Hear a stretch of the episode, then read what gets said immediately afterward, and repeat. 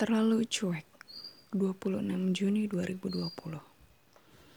Tolong deskripsikan buruknya aku. Katamu, aku kepalang cuek banget. Katamu juga, padahal gak bisa secuek itu. Tergantung situasi dan kondisi. Aku sangat mengakui hal ini. Betul, ini buruknya aku kamu benar. Aku akan berusaha untuk tidak banyak mengulang ingatan sakit hati yang terukir. Padahal sakit itu pula yang membuat hati ini semakin rapuh.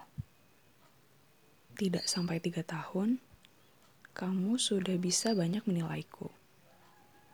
Tapi semua itu semu. Tak berarti apa-apa. Aku kehilanganmu, Akang.